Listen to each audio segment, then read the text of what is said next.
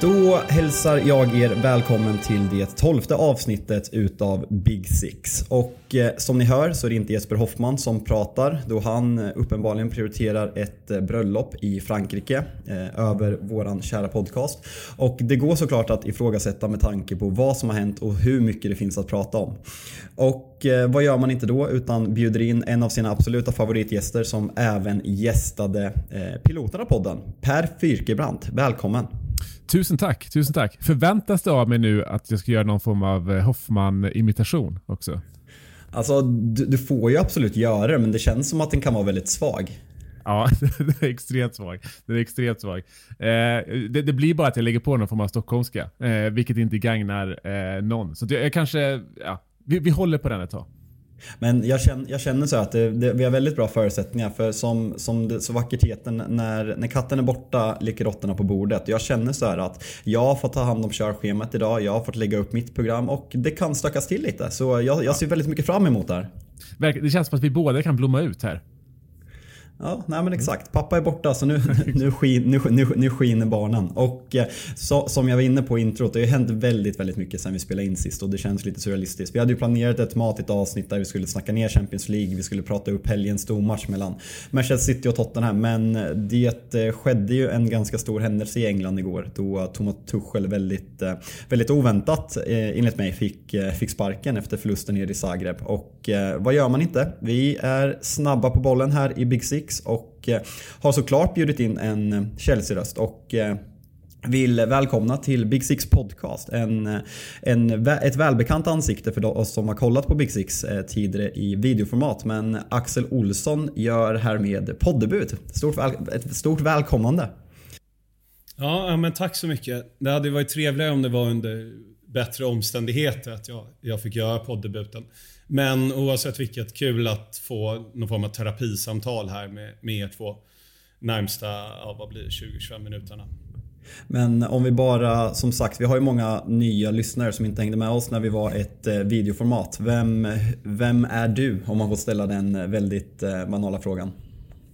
Ja, eh, jag arbetar som kommentator på, på Viaplay. Framförallt med Premier League men även då Europa och Europa League och, och, och Conference League. Fotboll bara. Um, men uh, har varit Chelsea-supporter sen barnsben. Det behöver väl bli mer och mer accepterat att man som kommentator är öppen och tydlig med vilket lag man hejar på. Uh, I den yngre generationen, jag tänker på vissa på Simor i Svanemar till exempel. Uh, och det har man fått höra att man inte ska vara från, från de lite mer rutinerade eh, kommentatorerna. Men jag, jag står fast vid att eh, på något sätt har jag kommit in i fotbollen och eh, det var genom Chelsea. Eh, ja, med Viali och Dennis Wise och Sola och Flonaldo och hela, hela gänget. Ehm, ja, det är väl hisspitchen. Allt, alltid fint med en hisspitch. Och det ska, det ska sägas att vi, eh, upplägget för programmet är att vi, vi kommer ta en, en rejäl take på hela Chelsea-situationen och prata vad som skedde, varför det skedde, ägarsituationen och även framtiden för klubben. Och sen så kommer vi även såklart att eh, prata ner Champions League-matcherna och även prata upp helgens match. Men om vi börjar med att att Eh, prata om vad som hände igår. Eh, såg du det komma överhuvudtaget? Många har ju pratat om att, att det kanske var på väg, att det börjar kännas att Tuchel var på väg att bli den Tuchel som vi känner, som många har pratat om. Men att det skulle komma så här fort, såg du, såg du det komma? Nej, inte alls. Jag gick in på Twitter för att jag skulle kolla någonting och så bara ah, Chelsea parted ways with, with Thomas Tuchel. Jag bara, vad fan händer? Eh, vad var det? Någon gång på för, typ vid 10-tiden igår. Plus minus någon timme. Nej, överhuvudtaget inte. Ja, det såg jävligt uselt ut mot eh, Dinamo Zagreb. Och, och, det har inte sett speciellt bra ut under eh, inledningen av säsongen. Men jag har väl kanske skyllt på det. Men att eh, vi har inte haft en sportchef, eller vi har haft Todd Bowley som interim sportchef som ja, inte kan ett jota om fotboll egentligen. Eh, vilket har gjort att eh, Tuchel har varit väldigt, väldigt involverad i transfersen, vilket har gjort att han inte har kunnat vara tillräckligt mycket på träningsplan. Eh, och då har han inte kunnat jobba med alla de här nyförvärven för all världens pengar som, som Chelsea har, eh, har tagit in till klubben. Och då efter att ha spenderat 3 miljarder pund, nej 3 miljarder svenska blir det. Ja, nu, nu, nu vart du lite, nu vart du lite som SD-kvinnan där och det är ja, väldigt, för, 40 000 miljarder euro. väldigt mycket pengar. Nej, ja, väldigt mycket pengar. Och, och sen få en vecka liksom. Och, och, och enligt rapporter, jag tror det var Ornstein på The Athletic som sa att det här beslutet hade redan tagits innan förlusten mot Dinamo Zagreb. Gör ju att man blir eh, helt chockad för att hade det varit Roman som styrde, nej, då hade jag inte varit så chockad. Men med ett nytt eh, eh med en eh, ny ägarstruktur och hur eh, Dodger, eller Dodgers då, som, som Bowley också äger, haft samma tränare i sju år och verkligen byggt någonting där. Så trodde jag verkligen att Tuchel skulle vara den personen som, som skulle vara där och bygga. Så att nej, verkligen inte såg jag det här komma. Jag tycker att det här är en av de mer liksom chockartade sparkningarna av, av tränare. Eh, I alla fall i Premier League i modern tid. För jag menar att, att en ny ägare kommer in och eh, liksom går skilda vägar med en tränare är ju inte speciellt konstigt. Jag menar, det hände ju senast eh, Chelsea bytte ägare. Då fick väl i flera ner en, en, eh, en säsong på sig. Gjorde det ganska bra. Men man, man hade liksom ett, ett, ett sunt avbrott där liksom i, i, efter, efter en säsong. Och det är ju det är helt fint att göra det. Men precis som du säger nu, det, nu kommer en ägare in här som eh, dels har bytt ut hela den sportsliga ledningen. Jag känner Tuch, Tuchel, vet inte om han har känt att det här har liksom varit på väg också. För att säga, han, hans bästa kompisar i klubben lite grann har ju försvunnit en efter en. Liksom. Check och, och, och liknande sådär. Eh, men nu att vara, för det, det, det, är så speciellt med tanke på att han ju har så va, varit så involverad i, i värvningarna. Eh, jag tänker, jämför man till exempel med, med, United så får man ju inte alls den känslan att tränaren är involverad på samma sätt. Och då, då, då kan man ju på något sätt ursäkta det. Eh, men, men, här när det har varit liksom rekordsummor och sen så inte ens får chansen att, att spela ihop dem. Det, det gör att jag känner att det här är på en helt egen nivå än vad vi har sett förut. Ja, nej men Aubameyang pratar ju, det har ju florerat eh, screenshots och, och videoklipp på när han pratar om hur mycket han har längtat efter att få återförenas med, med Tuchel. 58-59 minuter fick han återförenas och träningspass. Ja. Det, är det, det säger en hel del om Aubameyangs beslutsförmåga. Ja, eller rådgivare eller båda två. Men eh, han är väl inte känd för att ha de, ha de bästa rådgivarna. Det är bara att titta på hans bilkollektion. Allt ja. ser ut som skräp. Uh, men, eh, nej men med, eh, med hur, hur Bowley och de här har agerat. Så det jag kan förstå från deras sida är att de ärvde ju Tuchel som tränare oavsett vilket jobb han har gjort. Eh, men de har ju inte varit med i en enda framgång som Tuchel har haft i, i båda de här leksaksturneringarna men framförallt eh, Champions League eh, och fa Cup-finaler och allt vad det har varit. Ehm, de vill väl sätta sin prägel på den här klubben. Eh, så där kan jag ju förstå dem på något sätt. Men då skulle de ju ha skickat Tuchel innan sommaren. Mm. Om det var det de ville göra. Men det, det, är det, här, det är det här som är grejen som både Per och du är inne på. Att i, man får väl på något sätt ha respekt. Att man, man tar över en klubb, man investerar väldigt mycket pengar. Och, men varför backar man med sådana enorma summor i sådana fall? Om man, om man vill göra det. Och det är så här, vi, vi kommer ju komma in på personen som av allt att döma kommer bli klar kanske redan idag. Men det, det som Bowley har gjort nu är ju väldigt Chelseaskt. Alltså att man lever kvar, att man har väldigt lätt att sparka tränare. Medan han man nu vill verkar anställa i Graham Potter är väldigt icke-Chelseaskt. Att det är en långsiktig, det är en truppbyggare och det är, där, det är där man inte får ihop. Sen, sen ska det sägas, alltså så här, om, man, om man kollar på Graham Potter, alltså värvningarna som har gjort. Alltså så här, ja, jag, jag köper många av värvningarna för hans sätt att spela. Så, sen tror jag inte att Bowley har tänkt om stegen. Men det, det är där man verkligen inte får i, ihop. Att så här tidigt, och det ska sägas att jag, jag tycker inte att man helt kan skylla på skador. Men Chelsea ledde ligan innan Reece James och, eh, och Chilwell gick sönder förra säsongen och man såg riktigt, riktigt bra ut.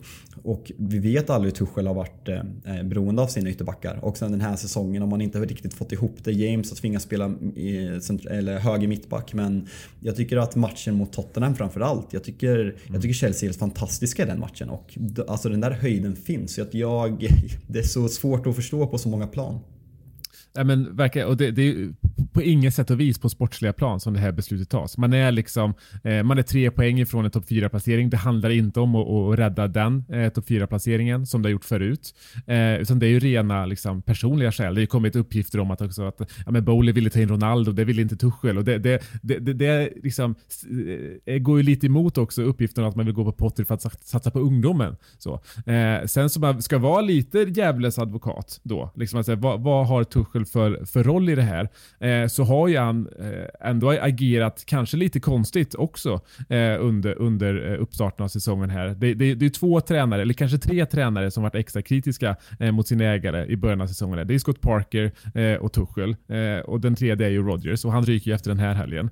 Eh, men man, han har ju agerat lite märkligt i sin uppställning. Jag tycker att när du har den här uppenbara utmaningen med att du måste spela ihop ett lag, då ska du kanske foka på din, på din spelidé, men det känns som att Tuchel har liksom varierat lite match till match. Ibland är det trebackslinje, det har varit fyrbackslinje. Eh, så fort en ny spelare eh, värvas in så direkt i nästa match startar eh, direkt, eh, som, som i Aubameyangs fall här.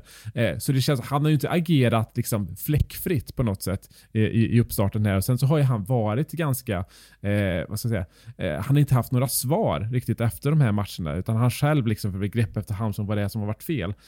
och det är du ny ägare och märker att du får dåligt resultat på dåligt resultat och inte har några svar, ja, då måste du på något sätt börja utkräva ansvar.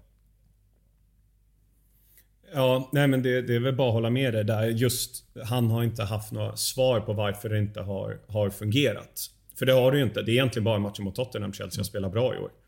Um, och han, det finns den här klassiska klyschan med att um, man, inte har, man inte vet sin bästa elva. Och jag tror faktiskt inte Tuchel vet det. Trots att han har haft ganska mycket kontinuitet eh, igenom elvan så, har, så vet han inte vilka som är bäst. Han har haft Sterling som central anfallare. Mm. Havertz har varit där. Nu var ju Aubameyang mot Dinamo Zagreb. Ha, Havertz har spelat liksom som en högerytter och det, där ska han inte spela. Och framförallt offensivt. Men det är också att defensiven har ju överhuvudtaget inte satts på plats. Koulibaly såg ju hur bra ut som helst i första två matcherna. Och sen har ju mm. bara allt gått åt helvete. För honom också. Men om, om, vi, om vi, innan vi lämnar Tuchel eh, och går vidare och pratar framtid om Chelsea. Vad, vad lämnar Tuchel för eftermäle? Hur kommer, kommer, hur kommer man se på Tuchel om, om vi säger tio år tror du? Jag älskar ju Tuchel. Uh, vi har döpt uh, vår bil efter honom. Liksom. Det har lite med reggskylten att göra, med TT. men, uh, så, så det kommer kännas konstigt att, att ha kvar bilen men inte honom. Ehm, men det är ju såklart att han kom in efter att Frank Lampard hade, ja, jag vet inte, sex förluster på åtta matcher eller vad det var. Och sen bara stabilisera laget och vinna Champions League på bara några månader. Det är framförallt det som han kommer att vara ihågkommen för. Och om man ska vara lite negativ så är det väl också att han ändå har chokat i tre finaler på Wembley. Men det är framförallt Champions League som, som jag kommer komma ihåg Tuchel för. Plus humorn i presskonferenser. Vi har ju inte haft några softa tränare på presskonferenser sen Mourinho egentligen. Nej men alltså det, det där har ju så, varit så svårt för jag, jag är ju per automatik negativ till tyska tränare av, av massa olika anledningar men jag hatar ju mig själv. Men fan jag, jag, jag är ju jättesvag för Thomas Tuchel, alltså som person. Jag, jag älskar honom. Eh, kör Per. Ja, nej, alltså, jag tycker i mina ögon, Tuchel är ju kanske världens bästa matchcoach. Eh, och det kommer det här inte förändra på, på något sätt. Eh, kanske i och för sig har han varit lite, då är lite för bra matchcoach eftersom att han försöker ändra lite, lite för mycket här i upp, uppstarten av säsongen. Eh, men jag tycker det här ska ju faktiskt bli ganska intressant att se vad det gör med hans, hans legacy externt. Inte då bland, bland, bland Chelsea-supportrar. För han har ju nu eh, med rätta liksom, bakats in i den här liksom, topp eh, top fyra coacher i världen. Eller topp fem. Eh, det blir ju intressant att se nu med de här liksom, två ganska korta sessionerna i, i, i PSG och Chelsea, vad det gör med hans, hans rykte. Förmodligen är inte nästa klubb av den digniteten. Eh, även om jag själv tycker att han såklart håller den nivån. Men det, den här sparkningen gör ju också det ganska intressant framåt. Att nu är det lite som förra säsongen. Att nu finns det en världstränare ledig som alla nog lite grann vill ha. Eh, lite som i Conti för, eh, eh, förra året. Det är med liksom matcherna Tottenham United. Det kändes som att säga, ja, men förloraren i den här matchen vinner för att förloraren får Conte. Eh, lite så känns det nu eh, framåt. Vi vill bara anmärka på att du exkluderar Pochettino i världstränarna Per med tanke på din lojalitet. Det, jag gillar det. det. Det, gör jag faktiskt. Det gör jag faktiskt. Uh -huh. Men alltså, jag, och därför hoppas jag att Pochettino går till Chelsea. För jag tror att, eh, jag, jag, förstår inte ryktena överhuvudtaget. Eh, det känns så extremt fel att ha en tränare som aldrig någonsin har spelat med en trebackslinje gå in och ta över det här Chelsea. Som har liksom, eh, jag tror du eh, la en väldigt bra tweet där Axel om att eh, Chelsea har lagt 200 miljoner kronor mer på sitt försvar än vad Bosnien har gjort under det här året. Liksom. Eh, och, och, och, att då, då ändra liksom, försvarsuppställningen helt känns i och för sig väldigt Chelsea. Väldigt Chelsea, ja. Nya ägare men same old Chelsea. Mm. Bara, bara för att avsluta med, med Tuchel. Jag tror att tyskarna kommer floppa i VM och han tar landslaget efter Hansi Flick. Det känns mm. Tuchel, sätta en stabilitet. Vi gillar när man sticker ut här i Big Six och Axel claimar, eller claimar, Axel statementar att Tyskland floppade VM och Tuchel tar över. Jag, jag gillar tanken. Men om vi snabbt eh, kliver över till framtid då och eh, vi utgår ifrån eh, Fabrizio Romano rapporterar nu på morgonen att eh, Graham Potter inte kommer delta på dagens presskonferens för Brighton för att han ska föra diskussioner med Chelsea. Och eh, känslan är verkligen att det kommer bli Graham Potter som kanske redan till helgen står där och, eh, och leder Chelsea. Vad, vad är din spontana känsla till det här? Det är ju som sagt, som jag nämnde i början, väldigt icke-Chelsea och det känns som en väldigt långsiktig tränare. Känns det, känns det bra som supporter? Alltså Potter har ju gjort eh, underverk i alla klubbar han har varit i egentligen. Ja, Swansea, det var, det var väl bra, men inte underverk kanske. Men i Brighton och Östersund. Så Potter som tränare, för hans liksom, tålamod, för hans sätt att få ihop en grupp, vad han betyder för spelarna. Kan han lyckas med det i en stor klubb? Det är ingen som vet. Han har inte gjort det. I, alltså Brighton är ju den största klubben och det är inte i närheten av vad, vad Chelsea är det skulle vara en fantastisk rekrytering av Chelsea. Det jag hoppas på just nu med Bowley är som jag var inne på tidigare att när Bowley tog över Dodgers så skickade han tränaren efter en litet tag och har nu satt sin egen tränare som har varit där i sju år. Att det är så Bowley tänker just nu. Det är ju såklart ett väldigt glaset halvfullt tänk, men det måste man ju vara i sådana här situationer. Jag, jag kan gråta över Tuchel liksom, men det kommer inte hjälpa någonting. Utan nu, nu gäller det bara att tänka framåt och, och komma ihåg det fina som Tuchel gav. Så jag tror att Potter skulle vara fantastisk förutsatt att han får den här tiden. Jag ser ingen anledning till varför han inte skulle kunna utveckla spelare med ännu mer talang än de i Brighton. Nu får Pascal Gross och gänget ursäkta. Men eh, Grås heter han väl i och för sig. Eh, jag tror Potter kommer vara hur, hur bra som helst. Eh, och, och, jag skulle välkomna honom med öppna armar. Men sen om du sa det, om det var innan sändning eller inte Per. Potter känns ju inte, alltså Chelsea känns inte så mycket Potter. Mm. Eller hur nu man säger det. Nej, ja. precis. Alltså jag har i, alltså vi, vi, har ju alla full koll på liksom Graham Potters eh, storhet såklart. Eh, men jag har ju under den här liksom senaste säsongen när han liksom har börjat höja sig i skyarna varit lite tveksam för om, om, om, hans nästa steg verkligen är den här liksom Big Six-klubben. För att eh, han är ju likt Tuchel en extremt bra matchcoach. Eh, och det ser man ju, alltså framgången för Brighton idag bygger ju, det är egentligen inte ett eget spel. Utan man har sin formation men man ändrar ändrar ju för varje match liksom, i, i, i vad respektive spelare har för uppgift och roll etc. Eh, vilket leder till att det inte blir något kanske riktigt eget spel om man spelar på motståndarens svaghet. Vilket funkar jättebra i ett lag som Brighton. Det man i en, i en, i en toppklubb vill se från en ny potentiell tränare är ju att det går i linje med en viss spelidé. Man har vissa sportsliga direktiv som man vill liksom bygga vidare på. Och där har kanske inte riktigt Potter ett sånt portfolio att visa upp. Därför har jag varit lite tveksam till att det skulle vara hans nästa steg. För vem vill då kanske chansa när man inte riktigt vet vilket spel man får? Men med det sagt så passar ju den här truppen eller den här formationen så känns det, det passar ju verkligen Potter som, som handen i handsken. Så rent sportsligt så tror jag på det. Eh, sen så finns ju de här alla icke-sportsliga delarna. Att säga, ja, om, om Tuchel nu får gå för att han kanske är lite för principfast, ja men Potter känns ju ännu mer principfast. Eh, och visserligen om det funkar med de sportsliga delarna, han är van med att liksom, eh, eh bygga ungdomar och det som är Chelsea framåt, så är jag ju lite tveksam nu. Vad kommer spelare som eh, Aubameyang, Koulibaly? Jag menar, jag tror inte att de håller Potter speciellt högt. Jag tror, alltså tvekar på att de ens vet vem Potter är. Exakt. och, om, om jag ska vara ärlig. Men jag tror att just ur försvarssynpunkt, jag menar Louis Dunk är väl liksom han är väl också till, till åldern liksom. Det, det finns ju inte bara ungdomar i, i Brighton. Så att, jag menar, den aspekten tror jag inte spelar så mycket roll. Jag menar, när Danny Welbeck springer fortfarande runt för, för Brighton och gör det bra under Potter. Så Älskar Danny Welbeck. Otippat. Eh, men jag, jag, tror, jag, jag hör din poäng, men jag tror att det Förutsatt att han, han, kan hantera de här stora egorna och det är framförallt Aubameyang jag tänker på. Mm. De andra är ju liksom inte samma typ av egon. Eh, jag kanske missar någon. Ziyech har lite ego, ja. får jag väl ändå säga. Fan, där, där, där, känns det som att det är något som inte stämmer. Alltså vi, vi, vi kommer inte prata jättemycket. Matchen mot Zagreb känns, känns daterad i och med sparkningen. Men man ser verkligen att det var en, ja, men en... Det var inte bra stämning på plan och kanske framförallt en dysfunktionell Ziyech som inte har fått till det alls när han ska bråka med Reece James om vem som ska ta frisparkarna. Eh, det, det kändes ju inte alls bra där. Nej, eh, och, och det som har varit en sån harmoni i laget, jag vet, inte, jag vet inte sanningshalten i det här som jag kommer säga nu, men det är mycket sådana här vad ska man säga, fankonton inom Chelsea som skyller allt på Lukaku, att det är han som har förstört stämningen inom laget helt och hållet. Ingen aning om det stämmer, men jag menar jag kan väl välja att tro på det för att det är inte bra stämning i laget mm. överhuvudtaget.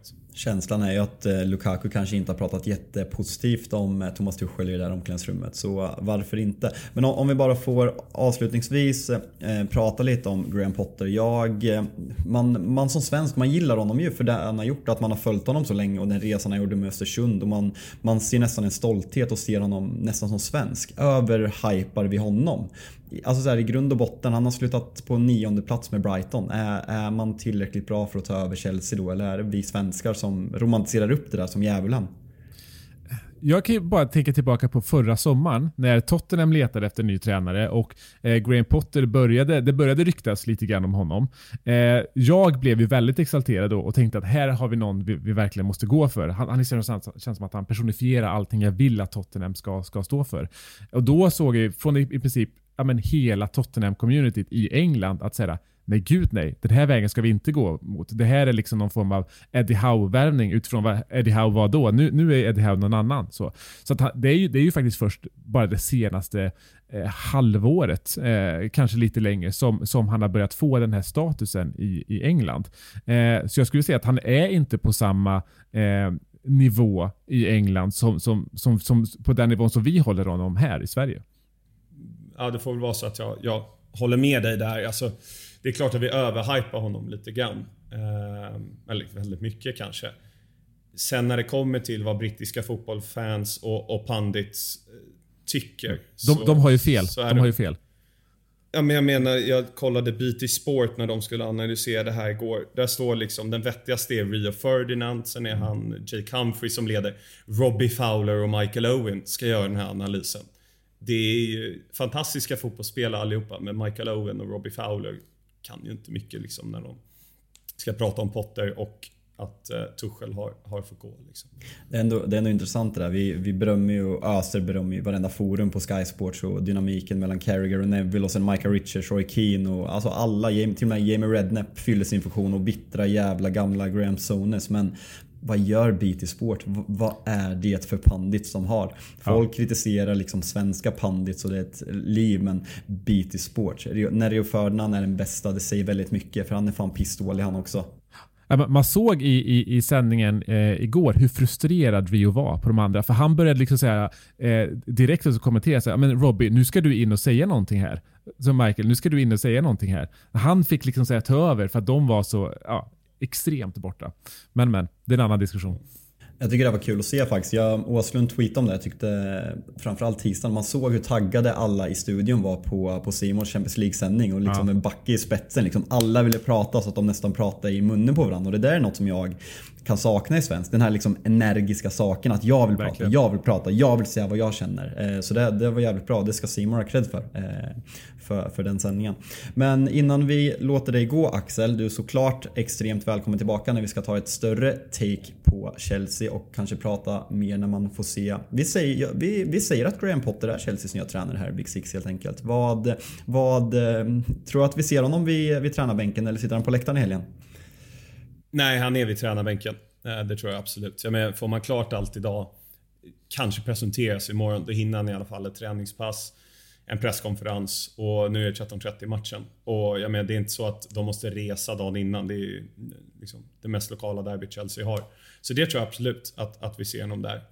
En grej som jag vill, säga kring detta, det som jag tycker på något sätt lite uppfriskande med, om det nu blir Potter, vi säger det.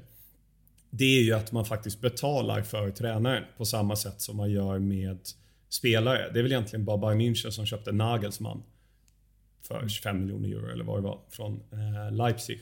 Som är liksom, eh, vad ska man säga, ja, av, som man kan notera av, av högre dignitet som har gjort det här. Och vad är det? 12 miljoner pund för Graham Potter. Alltså det är ju ingenting. Mm. Det är ju en, två veckolöner typ för, eller två månadslöner för Aubameyang. Ja. Det är fan betala bara. Alltså, man ska ju inte glömma i det här vilken jävla skit som Chelsea sätter Brighton i också. Eh, alltså, ja, det, det, är ju att liksom, eh, nu kommer jag inte ihåg om det, är, om det var lördags eller söndagsmatch, men liksom dag, dagen innan ny match, eh, bara ta över hela staben. Eh, liksom. Eh, för jag tror Brighton hade ju inte släppt honom för i princip några pengar i världen. Nu har de ju haft liksom ett fönster. De har sålt Cocorella, de har sålt, eh, sålt eh, Bizuma, de har sålt Nimo Pay. De behöver inte pengarna nu. Det hade ju krävt väldigt mycket för att lösa honom. Eh, men det var också därför som eh, liksom sparkningen kom nu. För man insåg att säga, men vi, kan, vi kan ta Potter för en, för en rimlig peng och vi har fått indikationer på att han kommer tacka ja. Fan vad jag ändå gillar att du, att du tar Brighton spåret också så att vi, så att vi, så att vi mm, ja. delar med oss av the rest här i Big Six. Men jag ska låta dig gå Axel. Stort tack för att du vill gästa och du är självklart välkommen tillbaka. Ja, tack för att jag fick vara med. Kör hårt. Så. Sådär Per, då har vi fått eh, en Chelsea-supporters take på hela soppan som innefattar både Thomas Tuchel, Todd Boehly och eh, förhoppningsvis eh, Graham Potter. Men jag tänker att vi går vidare för den enligt många finaste av turneringar har ju faktiskt dragit igång i veckan och jag tänker att vi vi börjar, många går i kronologisk ordning. Jag kommer köra exakt tvärtom och börja med kanske den mest uppseendeväckande händelsen i veckans Champions League. Och Eh, vi har ju pratat väldigt mycket om Liverpool, vad som inte stämmer, vad som är fel i den här podden tidigare. Men igår var det en ny nivå när man blir fullständigt pulveriserade av, av Napoli med, med 4-1. Och det kändes nästan som att 4-1 var i underkant. Vad, verkligen, vad, verkligen. Vad, vad är känslan med det här Liverpool? För vi, vi har pratat mycket så och spekulerat spekulerat att hur mycket saknas Thiago, hur mycket saknas mittback nummer två. Men det här problemet är större än så, det måste vi inse nu.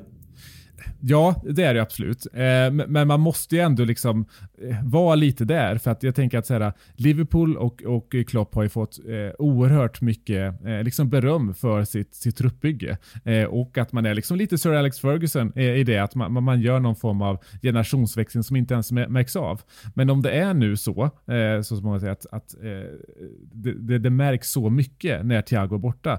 Jag menar, då, då, då är det ju inte ett fungerande truppbygge egentligen. Eh, men jag tycker att man ser, alltså mycket av det kan ju förklaras eh, i den eh, mittfältsproblematiken. Jag menar, det känns ju som att den är så extremt fine-tunad den här uppställningen med att du har Hendo till höger där som eh, när, när Trent rusar där i korridoren att han täcker upp till höger. Det gör inte Elliot på samma sätt.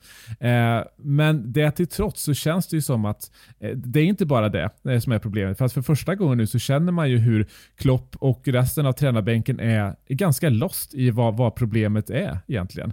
Eh, drar man tillbaka det till 2019, lite så senaste Liverpool-krisen, då kändes det ganska tydligt vad det var. Det kändes som att det var ett fungerande försvarsspel, men det, men det är försvarsspelet som inte riktigt räcker till. Nu är det som att ingenting riktigt stämmer överhuvudtaget och att man inte ens vet hur man ska fixa det. Och det, det är ju det här som är, det, det känns så, så här, på så många sätt känns det så skevt att sitta här och, och eh, kritisera Jürgen Klopp för vad han har gjort för Liverpool. Jag, jag tror alla, alla är medvetna om det och han ska såklart hyllas jättemycket. Men just den här saken, samma sak var det egentligen 2019-2020 som du, som du är inne på. Att, eller 2021 är det väl.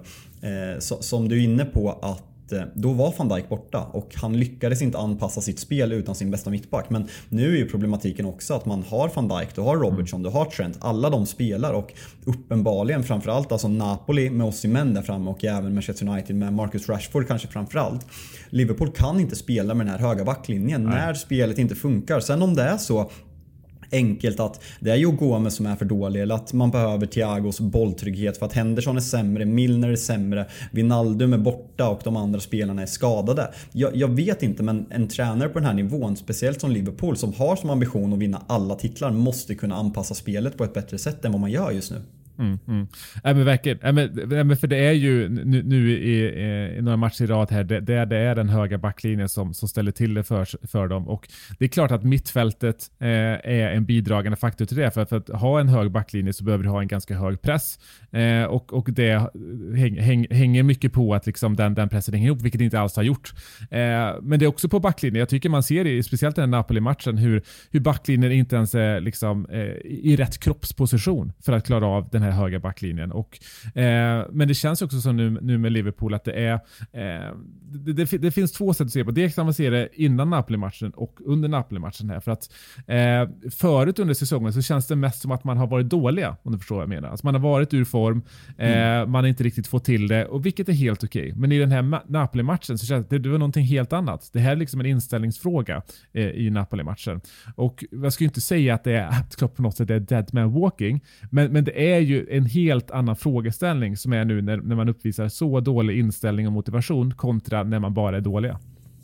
Ja exakt, alltså det, det kopplas ut knipp, klipp, jag tror att det är när, när Napoli gör ett av målen när, mm. när, när, Robin Bylund la upp det på Twitter bland annat. Så kika hans flöde som, det var stökigt igår ska sägas. Ja. Men, men just den här videon när man ser Fabinho och Trents försvarsbild, de, de skiter i det. Och det är det som, om man, om man ska se sig själv som Liverpool-supporter, som jag, jag gärna inte gör så ofta.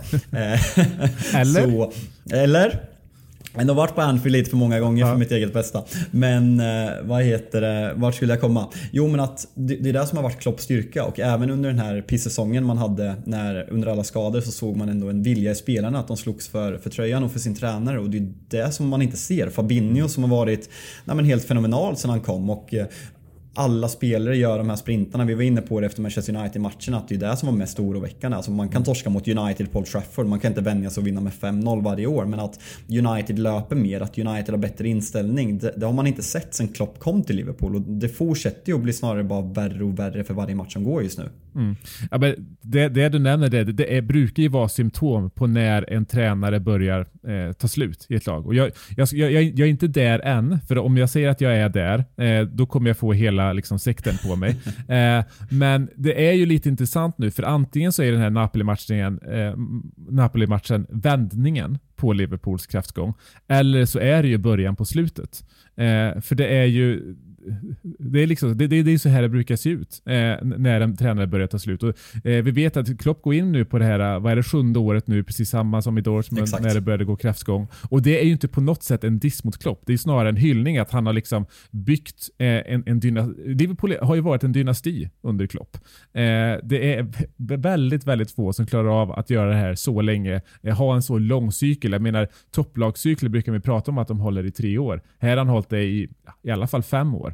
Eh, så det, det, är fortfarande en fjäder i hatten för dem. Men det blir intressant att se nu till helgen. Blir det här vändningen? Jag, jag tror att Klopp har det i sig faktiskt, att göra den här vändningen. Men det blir intressant, han säger ju där efter matchen igår också att så här, nu, nu måste vi på något sätt eh, uppfinna laget på nytt här. För det vi försöker göra, det funkar inte. Och det blir väldigt intressant nu att se, eh, nu i matchen mot, eh, mot Wolves här, vad, vad, ska han göra? Kommer han gå in med, med en lägre, med lägre försvarslinje nu helt enkelt? Kommer han att eh, ja, men börja tänka om i, i, i spelet helt enkelt? För det, det verkar som att han eh, lite antyder det i alla fall.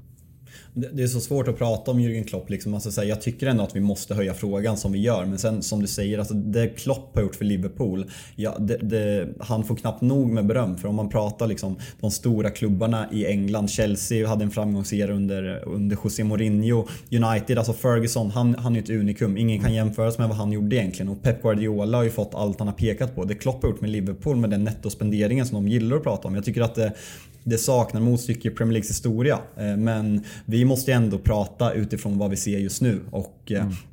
Jag tycker att som du är inne på, jag, jag, är verkligen inte där än heller. Han, han ska få både en och två chanser att vända på det här. Men att eh, det är något som man inte har sett tidigare och eh, man märker även tongången på sociala medier hos Liverpool supportrar att de, de börjar bli oroliga på riktigt. Mm, mm. Precis, och nu finns det också en världstränare ledig. Eh, så det, det, det, det, ökar ju möjligheterna om man säger så. Eh, men det är ju eh, det här, för det är ju, som Tottenham-supporter, kanske United-supporter, så blir man ju lite nedsänd när man märker att inte ens Liverpool med den dragningskraften de måste ha haft under det här året kan upprätthålla den här liksom, nivån och cykeln så länge. För att ja, men, eh, det här är kanske lite ett resultat av att man inte fick eh, Chouameni, att man kanske inte fick eh, Bellingham och liknande. Sådär. Eh, och, och, och, eh, om inte de klarar av att göra det, ja, då kommer nog varken Tottenham eller United kunna göra det den dagen vi är där. Nej, jag måste bara rätta det där. Likt eh, som att jag jobbar på SVT och du gör reklam. Jag, jag är inte United-supporter idag. Jag är en neutral eh, programledare för podcasten Big Six. Ja, exakt. exakt. Men nästa vecka, då är det United igen. Ja, när Hoffman är tillbaka då är United igen. Nej men om vi ska prata någon ljusglimt för Liverpool så tycker jag Luis Diaz fortsätter vara lagets eh, mm. klart bästa spelare. Jag tycker att han är på en helt annan nivå. Man ser hungern och glöden och den här, alltså, den här gatuspelarmentaliteten. Och eh, kollar man på, på hans eh, motsatt sida på högerkanten så är det egentligen motsatsen till en gatuspelare. För det, mm. det ser fortsatt deppigt ut för Mohamed Salah alltså. Ja, Nej, verkligen. Eh, jag, eh, man går ju bara och väntar det. Och det, det är samma sak med Son i, i, i Tottenham, liksom. också iskall. Det, det är ju någon förbannelse från, från förra årets eh, guldsko i Premier League. Eh, båda kände att nej, nu, nu, nu räcker det här. Eh, men det, men det, det blir ju, nu, nu, finns det ju verkligen ett, ett fönster här mot Wolves. För att det är inte bara det att man möter Wolves, det är också kanske ett Diego Costa Wolves. Eh, och, att, och då, då har liksom Darwin Nunes eh, mot Diego Costa där. Eh, det, det kan det bli känslor i den matchen. Stö, stökig, stökig sydamerikansk mentalitet där. Ja, men som, fan vad det piggar upp alltså. Ja. Eh, vi, vi ska väl faktiskt lämna Liverpool. Det känns som att vi har sagt mycket men vi, eh, efter 1-4 mot Napoli så måste man ändå, ändå ta upp det. Mm. Eh, och det spelas ju en annan match samtidigt eh, på Tottenham Hotspur Arena, Stadium heter Stadium, den. Ja, och var det första Champions League-matchen inför publik på arenan? Gud, nu sätter du mig lite på, på pottan här faktiskt. Eh, ja, det, det, det, måste ju vara det. Det, eh, det var i alla fall en jävla inramning och man, stod, man såg verkligen den nya teknologin med blinkande lampor och man kan problematisera det att det är väldigt amerikaniserat och sådana saker men eh, på något sätt var det ändå mäktigt och man såg att eh, det betydde mycket för spelarna också. Ja, men det är, det är ju någonting speciellt eh, med de här Europakvällarna. Eh, Tottenham har ju som tradition också att spela helvitt i Europa. Det gör man ju inte i någon annan turnering. Och det, det, det gör ju också liksom, ökar den här känslan av högtidlighet Det är, det är sexigt. Ja, det är väldigt sexigt. sexigt. Sen så var det också eh, i, i bortaklacken så stod ju Joey Barton där och kom i liksom så här skrik-orange mundering så att han stack ut. Alltså det spelar ingen roll att de inte zoomade in på honom. Man såg honom hela tiden. Han ville verkligen ha all uppmärksamhet den här matchen. Eh, men man, man gick ju in med, med en väldigt speciell känsla, för det, det, är ju lite så att möta Marseille är ju ett litet mini North London Derby. Eh, med, för det, det, är ju en samling av Arsenal Rejects. Eh, du har ju Guendouzi, eh, Kolasinac, Alexis Sanchez, eh, du har även Tavares där. Eh, så man visste ju på förhand att här kommer det bli minst ett rött kort. För du har ju också eh, Bailly där i backlinjen som inte är liksom den mest kanske kontrollerade personen alla gånger.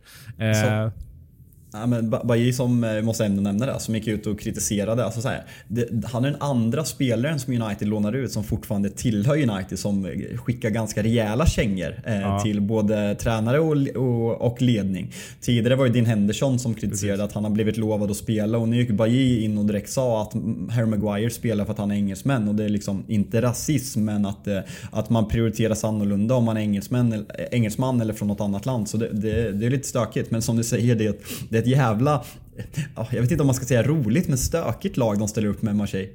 Ja, men, eh, verkligen. Och jag, jag tycker att när man tittar på den här gruppen, och jag var ju på förhand, det var inte som att jag krävde en vinst där, för jag tycker att Marseille är det svåraste laget i den här gruppen. Eh, det är ju det är lite spännande grupp så, för att säga, Tottenham hade extrem tur med lottningen i det att säga, från pott 1 drar man Frankfurt, från pott 3 drar man eh, Sporting. B båda två lagen som har tappat eh, stora delar av sin startelva jämfört med fjolåret har börjat väldigt knackigt. Marseille lite tvärtom, eh, kanske lite mer likt Tottenham, gått obesegrade så här långt i början. Eh, tagit in en massa spelare, eh, öppnat ligan väldigt bra. Så det känns som att även om Marseille var från pott 4 så är det ju de som är liksom den stora utmanaren här. Så därför hade jag inte liksom jätteförhoppningar på att det skulle bli någon kross där. Eh, men det blev ju på något sätt en match som manifesterar både det som har varit bra med Tottenham i år, men kanske framförallt också det som har varit utmaningen eh, med Tottenham i år. Vad som har varit det dåliga helt enkelt. Eh, och det är ju eh, framförallt mittfältsspelet och, och distributionen från försvarslinjen som jag är lite oroad kring. Jag är inte, jag är inte jätteorolig. Det är inte liksom Klopp och Tuchel-oro på något sätt. Eh, men det är ju, man kan faktiskt attribuera det här lite till Tuchel ändå. Eh, Tuchel visade ju i, i, i, matchen mot Tottenham hur man bäst eh, spe, spelar mot Tottenham. Hur man neutraliserar uppspel eh, och, och, och, hur man egentligen stänger ner hela mittfältet. Eh, vilket i, i, ett konte, I ett kontesystem så är man ju väldigt beroende av uppspelet från liksom vardera ytter inne, inne mitt back så att säga. Eh, och där har ju alla lag som Tottenham mött varit väldigt effektiva på att neutralisera det. Eh, det har gjort att man måste gå ner eh, lite mer med, med, med wingbacksen, vilket ju får i, i, i någon form av liksom resultat att du, du har i uppspelsfasen en 5-2-3. Vilket gör att har du eh, två eller tre innermittfältare så kommer du dominera Tottenhams mittfält. Och det är faktiskt det vi har sett i i princip varje match den här säsongen. Så, som sagt, det är inte ett personalproblem. Det, det, det är ett systemproblem just nu. Ja, jag och Jesper har varit inne på det där och vi fick lite mothugg av någon, av någon Tottenham-supporter som mm. bestämt hävdade att ni har varit jättebra. Och liksom så här, ja, det, det, är en styrka att plocka poäng men jag tycker att eh, liksom bollinnehav, det är vad det är. Man ska ta det för vad det är. Men det säger ändå någonting när Tottenham spelar med en man, mindre i nästan 45, eller en man mer i nästan 45 minuter och man förlorar fortfarande bollinnehavet på, på hemmaplan mot, eh, mot Marseille. Men ska man prata något positivt i den här matchen så är det att ni får igång Richarlison alltså rejält och man ser vad det här betyder för honom. Det är alltså hans Champions League-debut inför hemmapubliken. Och eh, det, eh, det är fina scener. Jag vet inte vem det var han kramade om. om det var någon... Ja, det måste det... vara farsan för att han var så, att ja. såg ut som en kopia. Ja, ja men han såg ut som en vi säger, 15 år äldre. Han var ja. säkert ung, ung pappa. Eh, så, nej men, nej men det, var, det, var, det var ändå fint att se och jag tror att det är viktigt för, för Tottenham att få igång honom. Vad är annars känslan om att kolla på Dejan Bänk nu två matcher i rad? Son, som du säger, iskall. Eh, är, det, mm. är det positivt? Är det lyxproblem eller vad, vad tror du sker framöver? Jag, jag, är väl mer inne på liksom lyxproblemspåret nu. För att nu har vi ju liksom, både Dejan och Richarlison har ju varit fantastiska den här säsongen. Alltså Dejan är ju inte på något sätt petad egentligen. Eh, han, har, han har ju varit fantastiskt bra. Är det någon du ska peta så är det ju sån. Sen är ju frågan, kan du peta sån? Alltså du vet ju vad hans högsta nivå är. Du vet att hans högsta nivå är att han vinner skytteligan. Det är väldigt svårt. Alltså, kan man peta en, en sån spelare? Det, det, är en intressant frågeställning. Men jag tycker nu att vi ser, jag, jag är väldigt imponerad av Richarlison. Eh, han har, eh, jag, jag, var inne, jag, jag, jag tror i premiäravsnittet av Big Six pratade om att det finns en spelare här av de vi har värvat som kommer gå in och stärka startelvan. Och det är Bissoma. Han är just nu den enda som inte har gjort det. Eh, så det man, man, man, är ju on the money som alltid. Eh, men jag, jag, tycker att Tottenham har en fantastic four där uppe nu. Eh, där det är extrem konkurrens om platserna. Jag, jag tror att alla kan bli eh, roterade, alla kan bli petade kanske inte Harry Kane. Eh, och, Om man ser det ur ett större perspektiv, alltså vilken annan klubb, även om man kollar toppklubbarna i, Europa, eh, i, i England, kan, kan ha den här liksom fantastiska fyran. Det är klart att du, du kan alltid säga City, för har du Haaland så vinner du. Men efter det så tror jag att det här är ju Tottenhams liksom unika vapen. Ja, alltså man, man sticker verkligen ut det. Alltså så här, Manchester City, absolut. Men jämför man med de andra klubbarna så sticker man verkligen ut på det där. Och det, det är något som... Alltså ni har ju stökat till den där anfallsrotationsplatsen så inåt helvete de senaste åren. Mm. Lukas Mora har liksom varit snudd på en startspelare och nu har ni lyxproblemet att sätta Dejan eller Richarlison på bänken. Så det, det är ett mm. väldigt lyxproblem. Men om vi bara... Jag kom över lite statistik igår som jag tyckte var intressant. Jesper har ju tippat Tottenham som den stora skrällen i Champions League i år och tror att mm. de kommer gå långt. Men kollar man på Conte som har haft ja, men väldigt väldigt slagkraftiga lag i sin tränarkarriär. Kanske framförallt ett, ett väldigt bra Juventus och även Chelsea.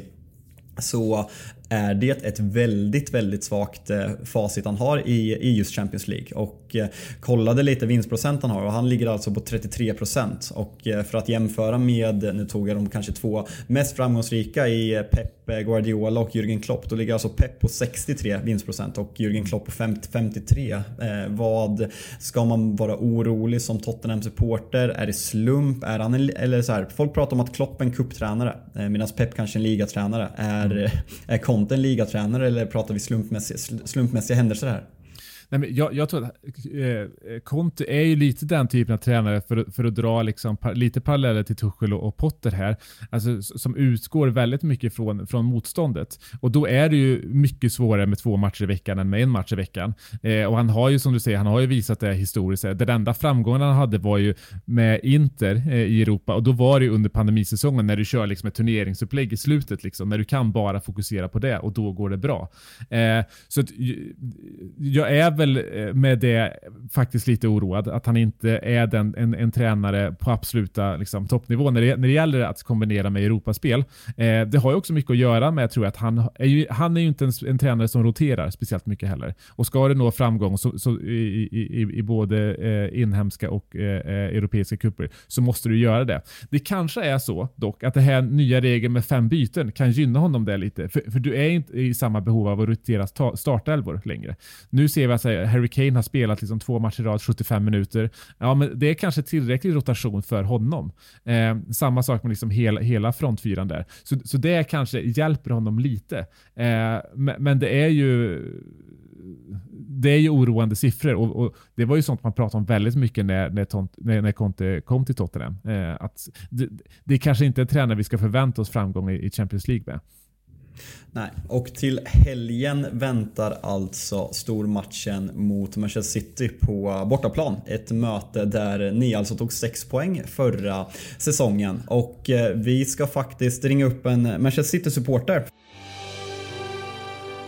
Och eh, spänstiga som vi är här i Big Six så välkomnar vi dagens andra gäst. Och Eh, det är ingen mindre än Manchester City-supporten Oliver Jernberg som även du faktiskt eh, tidigare gästat, eh, gästat den här formatet när det var i videoformat. Och för, precis som Axel gjorde inledningsvis för nytillkomna lyssnare, vem är du?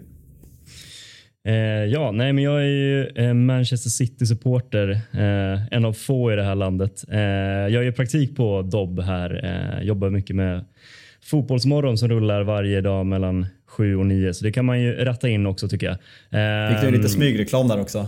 Ja, precis. Nej, men det är som du säger, jag har varit med gästat en gång tidigare när det var i videoformat. Eh, passade på där efter att City hade säkrat titeln som den medgångssupporter jag är. Eh, sen, jag tror att eh, programmet lades ner som eh, videoformat efter att jag hade gästat programmet. Så det blir spännande att se vad som händer med den här, den här formatet nu efter att jag har varit med. Eh, så det blir spännande.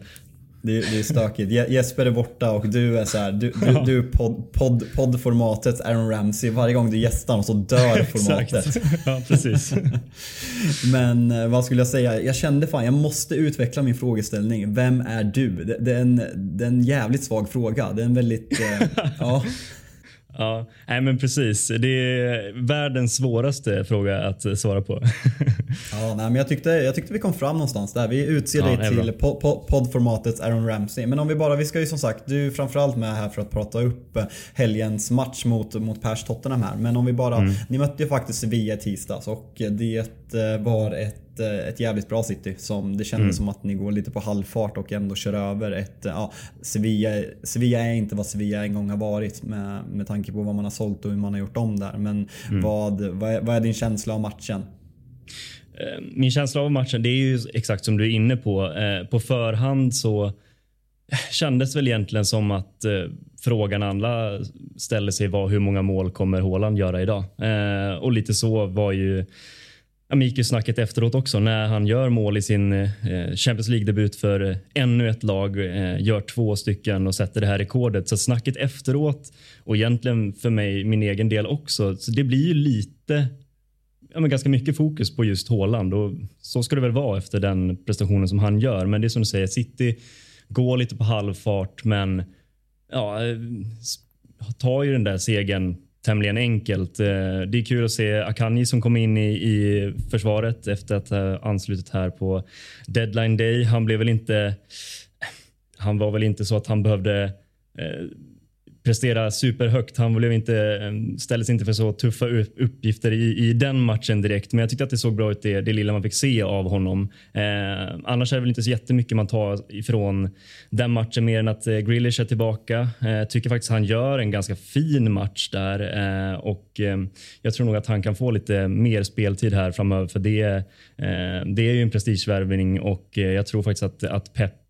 Eh, gillar det han ser från Grealish och ge honom, kommer ge honom förtroendet här framöver. framöver så att det, han skulle faktiskt kunna spela mot Spurs på lördag, eh, tror jag. Men det är väl de tankarna jag tar med mig från, från Sevilla-matchen. Men en, en sak som jag också tar med mig, jag tycker att alltså så här, man, vi, vi, har pratat tillräckligt mycket om hur bra Erling Braut Haaland är. Hur, mm. hur bra hans eh, kombinationsspel med Kevin De Bruyne är. Det, det, känns, det känns sagt och det känns, det känns på en löjlig nivå. Men jag tycker mm. att eh, Phil Foden är väldigt bra i den här mm. matchen. Och jag tycker att han kröner med ett väldigt fint mål. Och jag, det känns lite som, kanske i skuggan av Haaland och kanske lite i skuggan av Kevin De Bruyne också, att Phil Foden har, har verkligen så här, man pratar inte lika mycket om Phil Foden. Nej. Och min, min fråga till dig egentligen, jag förstår hur högt man håller honom. Han är, han är den kanske första egna produkten i den här moderna tiden som har blivit så här bra. Men vad krävs för att Phil Foden ska ta nästa steg? För känslan är, han har ju allt för att pratas om. Alltså så här, kanske inte Haaland och Mbappé men snäppet mm. under där. De absolut mm. bästa spelarna i världen. För så, det har man ju sagt om honom sedan han var 16 att han verkligen har det i sig. Vad, vad tror du krävs? Ja, och det, det där är en fråga som som jag tror många City-supporter ställer sig att eh, ja, men just det där när kommer han vara självskriven i startelvan? För han är lite ja, men ut och in i den där elvan just nu eh, och det, det enda som vi som City-supportrar vill är ju att Foden ska vara där vecka ut och vecka in. Det är ju liksom som du säger, det är vår grabb. Eh, men det är väl helt enkelt att alltså, de matchen han tar för sig. Jag tänker på eh, matchen mot Liverpool förra året eh, och i en sån match som det här när han verkligen vågar och eh, men, ta sig till avslutslägen och eh, faktiskt slå de där inläggen som, som blir avgörande så resulterar det ofta i poäng. Jag tänker väl att det är väl en sån grej att ja, men, faktiskt våga, för han kan ju. Han visar ju gång på gång att han faktiskt besitter den, de kvaliteterna. Eh, och jag hoppas väl på att det här kanske blir säsongen då han ja, men, gör sig liksom gjuten i startelvan framöver i, i förhoppningsvis flera år framöver. Mm. Det, alltså, det är det man vill. Alltså, det är som en supporter till engelska landslaget, hur töntigt det än må vara. Så mm. Man vill ju se honom blomma ut där också. För man hade ju verkligen, ja, men han körde sin gassafrilla i EM men han, han petades ju faktiskt i senare delen av turneringen. Och han ja. var ju en av de största, absolut största stjärnorna. Så det är där man vill se. Men om jag bara innan vi börjar prata upp eh, helgens stormatch mot Tottenham. Vad, nu, nu får du prata för Manchester City-supportrar världen mm. över. Jag, jag, jag kom på, jag känner ju alltså fyra Manchester City-supportrar. En kompis i Norrköping, Petter Landén som gästar, du och sen Dennis Kjellin som jag haft en podcast tidigare med. Och jag kan vara den person som känner flest Manchester City-supportrar i hela Sverige. Det är roligt att man ändå har det i sin bekantskapskrets eftersom varenda liksom City-supporter gillar att följa upp att man är City-supporter med att just säga som du sa, en av få i det här landet. Samtidigt som man har liksom fem, fem sex och det är, Spännande också det att alla City-supportrar säger det efteråt. Att eh, det, jag är en av få i det här landet som är City-supporter. Men alla vi känner Jalkemo i alla fall. Så det, det är skönt. en, jävla gemensam nämnare. ja, deppigt, deppigt ändå. Nej men det, det, jag skulle säga, vad heter det? Du får representera City-supportrar nu. Vad, mm. alltså, så här, jag, jag kommer aldrig förstå mig på den där pissiga taken med att City-supportrar buar ut Champions League-hymnen. Men om du går till dig själv. Jag vet att många Liverpool-supportrar, United-supportrar håller alltid ligatiteln större för man slår sina rivaler, man, man slåss över 38 omgångar. Men för Manchester City, eh, vinner man hellre Champions League i år? Ja, det är väl ingen hemlighet att det är så. Nu, man ska väl inte låta här som, som en bortskämd eh, snorunge som säger att eh, nu har vi vunnit eh, ligatiteln så många gånger så att nu börjar det bli tråkigt. Så är det inte, såklart inte. Men det är ju den där Champions League-pokalen eh, som som ska hem och det är hela klubben satsar för det. det Håland kommer in för att göra den eh, trofén till vår eh, och det är eh, i Champions League som han presterar också. Det, det, är väl kanske efter Ronaldo nu när han inte är med längre i Champions League så kanske det blir Hålands turnering då. Men det är klart att City-supportrar eh, nu, nu kommer vi prata upp eh, matchen mot Spurs här, men det finns ju ett, en del väldigt sura uttag, uttåg ur den turneringen. Då tänker jag ju kanske framförallt på den 2019 där med, mot just Spurs. Eh, eh, så att det finns en revanschlusta eh, och eh, ja, men jakten på, på Champions League-pokalen är ju eh, den största och mest relevanta just nu för City. Så är det, så är det verkligen. Mm. Nej, det, det, är verkligen, Tottenham har verkligen blivit som ett litet buggy-team och det är ju så här, de här millimeter offsiden i så, många, i så många olika lägen. Men om vi, om vi går till dig Per, vad, vad går du in med för känsla eh, inför den här matchen på, på lördag? Alltså så här, kollar man hemmaplan, lagen, hur bra lagen egentligen är position för position så är City såklart stora favoriter. Men känslan är att det här det är ett lag som passar Tottenham bra. Och eh, Son har varit kall men vi vet ju alla vad han har gjort med den där höga backlinjen tidigare. Ja, nej men det är som alltså det är alltid tre, bara tre poäng som gäller mot City. Liksom. Det spelar ingen roll. Men, men det, det, är ju, eh, som du säger, det är ju verkligen ett bogeyteam och det är ju för att, eh, jag menar, Tottenham har alltså Tottenhams stora vapen har ju alltid varit, eh, de senaste fem åren i alla fall, omställningsspelet. Det, det är ju City kanske har varit, har varit lite svagare. Eh, mm. Nu är det ju, nu, nu, är man, nu är jag lite mer osäker inför den här matchen just på grund av Haaland. Eh, för att det handlar ju ganska mycket om att, alltså vi vet ju alla vad det kommer bli för matchbild i den här matchen. Alltså Tottenham kommer ju ligga lågt och försöka gå, gå på kontringar.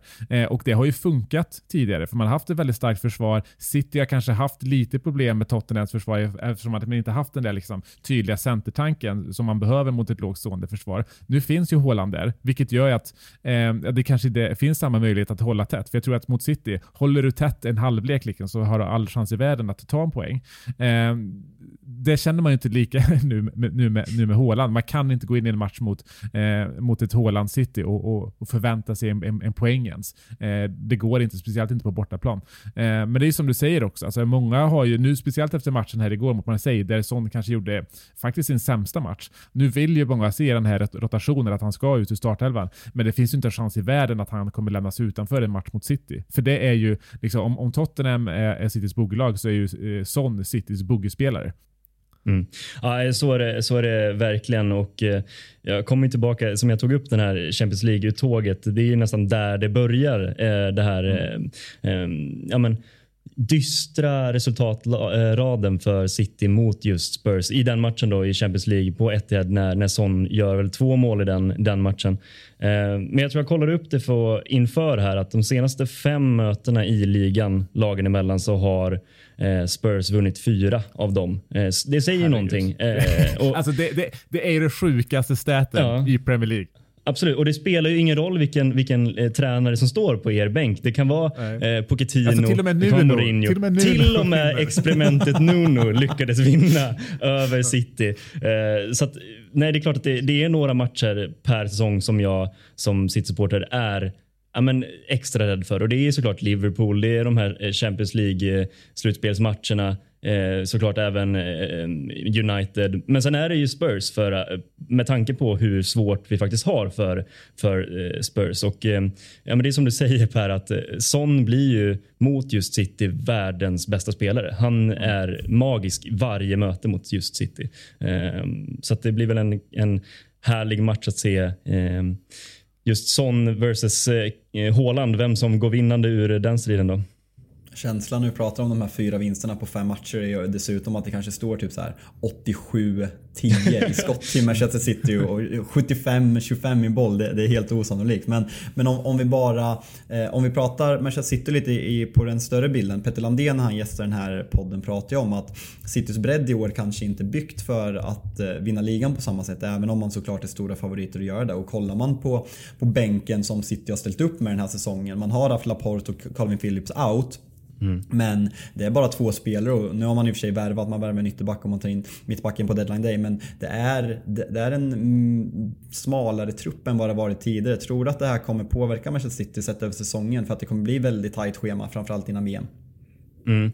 Det får vi se. Eh, det är, jag, jag håller med om det att, att truppen är ju, är ju smalare. Eh, startelvan är väl bättre så att vi kommer nog kanske kunna nå en bättre höjd i, i vissa matcher än tidigare. Men det är som du säger att när det blir det tajta spelschemat, eh, VM ska in, då kanske det tar ut sin rätt. Eh, så det är väl väldigt viktigt för just City då kanske att plocka på sig den här poängskörden nu i början så att man har en liten, eh, ja, men, en liten buffert att, att, att, att falla tillbaka på. Sen ska det ju sägas också att eh, när vi just är inne på, på Håland så har vi ju en fördel i att han kommer inte spela VM. Eh, så att han kommer nog kanske inte behöva roteras lika kraftigt som, som vissa andra spelare eller, eh, eller som man kanske hade trott på förhand nu då. För nu har han spelat alla matcher hittills och det kanske är så att han faktiskt eh, klarar av att spela mm, ja, men mestadels av matcherna nu den här hösten på grund av att han faktiskt inte ska till Qatar. Eh, så att eh,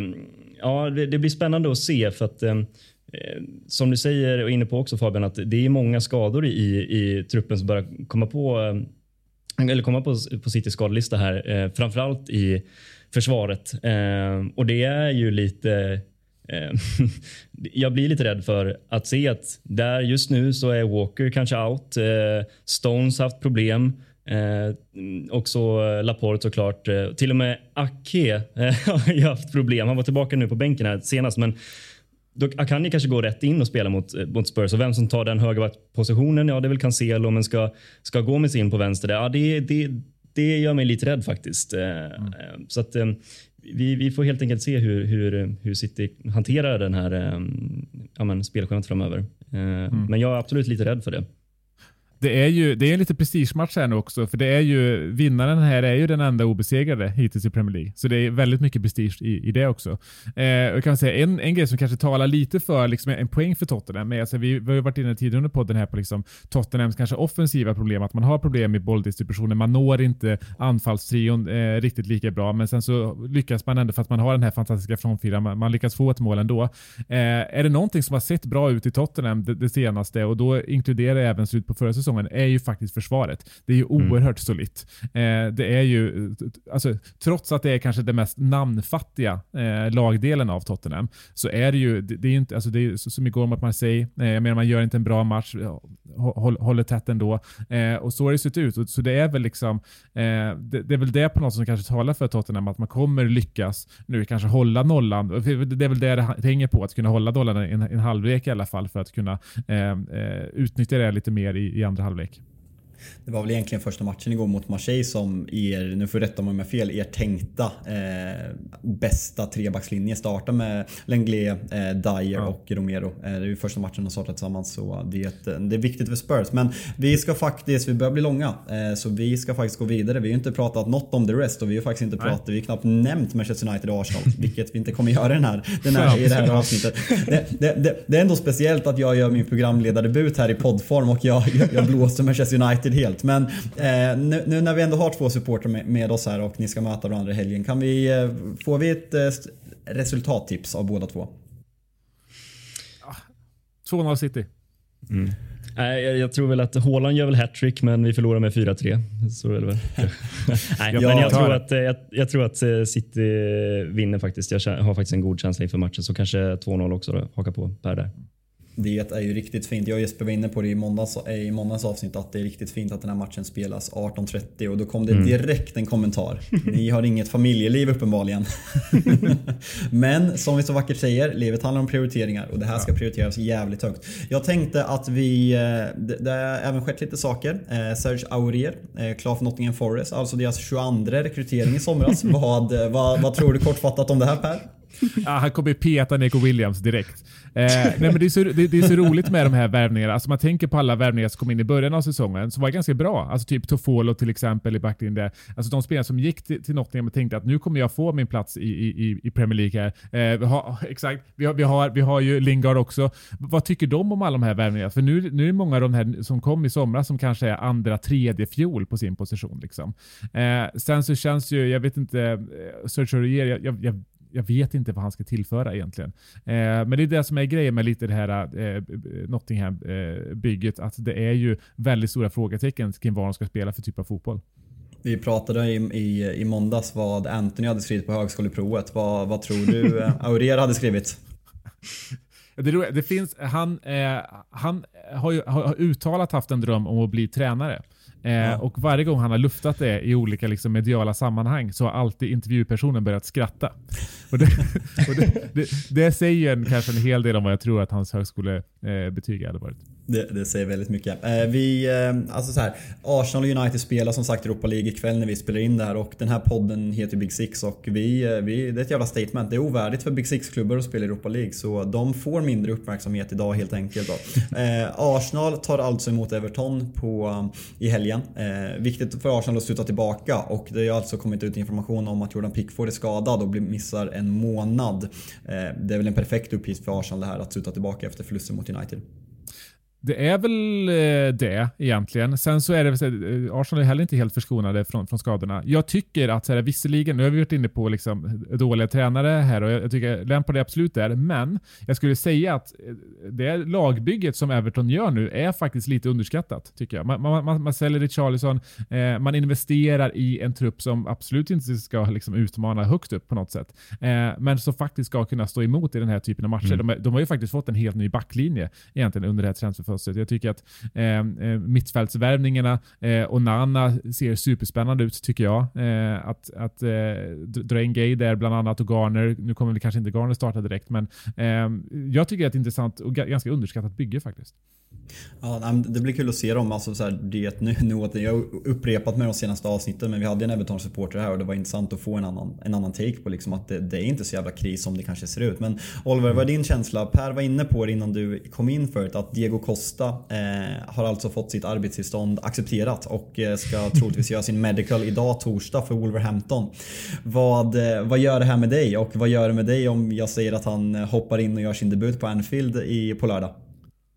ja, ja nej, men det är såklart. Eh, det är väl få som tycker att det, det, är en tråkig nyhet att, att Diego Costa är tillbaka i Premier League. Det är ju en, en profil starkare och eh, ja, om eh, han kan ta en så här, han hoppar in på Anfield på, eh, i helgen så gör han såklart mål och så kommer han ju vara ett riktigt eh, praktsvin där som retar upp allt och alla och det kommer ju jag inte tycka är jättetråkigt. Så är det ju. Eh, Så, det, är, det är väl fina scener att fram, se fram emot. Någon som också gör, gör bort eh, van Dijk en gång till hade väl varit härligt.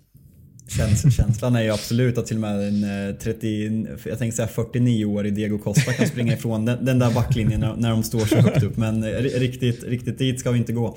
Annars då, United och äh, möter Crystal Palace och mm. det här blir väldigt intressant tycker jag att se hur Manchester United svarar på det här. För man har, man har tagit fyra väldigt starka segrar, kanske framförallt mot Liverpool och Arsenal, där man har fått spela sitt spel och ställa om. Något som man har ett lag för.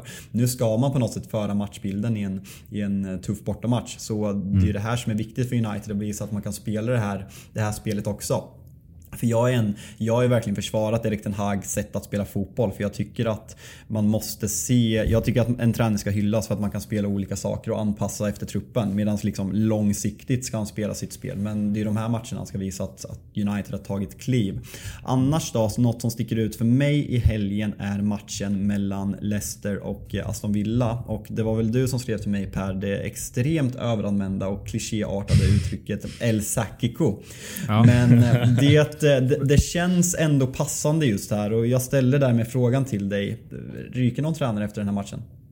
Ja, nu går vi mot eh, ganska eh, lägligt fönster för att sparka tränare. Men vi har ju landslagsuppehåll efter, efter nästa helg och ska man sparka tränare så, så vill man ju också gör, göra det innan VM, att man hinner lära känna truppen där. Eh, så nu finns ju det fönstret eh, och det är ju, eh, det är ju en tränare där som verkligen vill bort. Eh, vi pratade förut här om så här, Scott Parker och Tuchel har låtit likadant i sin kritik uppåt. Eh, det har även Rodgers gjort. Han har ju kritiserat spelartruppen också. Jag menar menar, eh, anledningen till varför det ser ut som det har gjort har ju varit i mångt och mycket för att han har ju eh, sagt åt spelarna att jag räknar inte med dig eh, i, i den här säsongen och har inte fått göra sig av med de spelarna. Eh, så det är ju, och man märker på honom att han, han, han, han vill ju bara bort egentligen. Sen så är det där frågan, eh, har Leicester verkligen råd att göra sig av med dem? Det är väl snarare det som är den stora frågeställningen eh, med, med tanke på hur man har kört den ekonomin i botten. räknar man bort det så är jag ju helt på det klara med att han ryker efter den, efter den här matchen. För jag tror att Villa har väl kanske lite mer förtroende och förhoppningar på, på Gerard. Sen så tror jag att han är också en dead man walking eh, och där skulle ju Pochettino passa mycket, mycket bättre. Eh, jag tror för Leicester har faktiskt kanske lite svårare att attrahera ett större namn nu med tanke på de problem man har. Verkligen. Eh, och eh, det är ju verkligen en jävla fin lördag vi har. Vi börjar med Fulham-Chelsea där kanske Graham Potter kommer sitta på tränarbänken. Det är Liverpool-Wolverhampton där det är väldigt mycket frågetecken och sen avslutar vi med, med City Spurs. Så det, det, är en helg jag ser fram väldigt mycket emot. Vi, vi ska faktiskt ta och runda av där. Eh, inledningsvis vill jag stort tack till dig Oliver för att du ville ta dig tid och gästa. Du är självklart välkommen tillbaka när vi ska ta ett djupare grepp på, på City. Ja, tack för att jag fick komma hit. Eminent insats och Per som har varit min följetong här hela avsnittet egentligen. Eh, följetong. det var, det, men det var ett, så känns det. det. Det var ett jävla ord, det var ett jävla ordval men vi väljer att behålla det. Jag tänkte säga ja. sidekick men du, du, får vara min följetong. Eh, stort ja. tack. Och, eh, jag trivs med det. Eh, ja, det gör fan jag också. Och som sagt, det var min programledardebut idag. Eh, så all ros skickar ni till mig på Twitter och all ris skickar ni till, till Jesper på Twitter. Eh, ja. För att han inte är här idag och prioriterar annat. Så det, det har varit skitkul. Och ha en fantastisk helg så hörs och ses vi.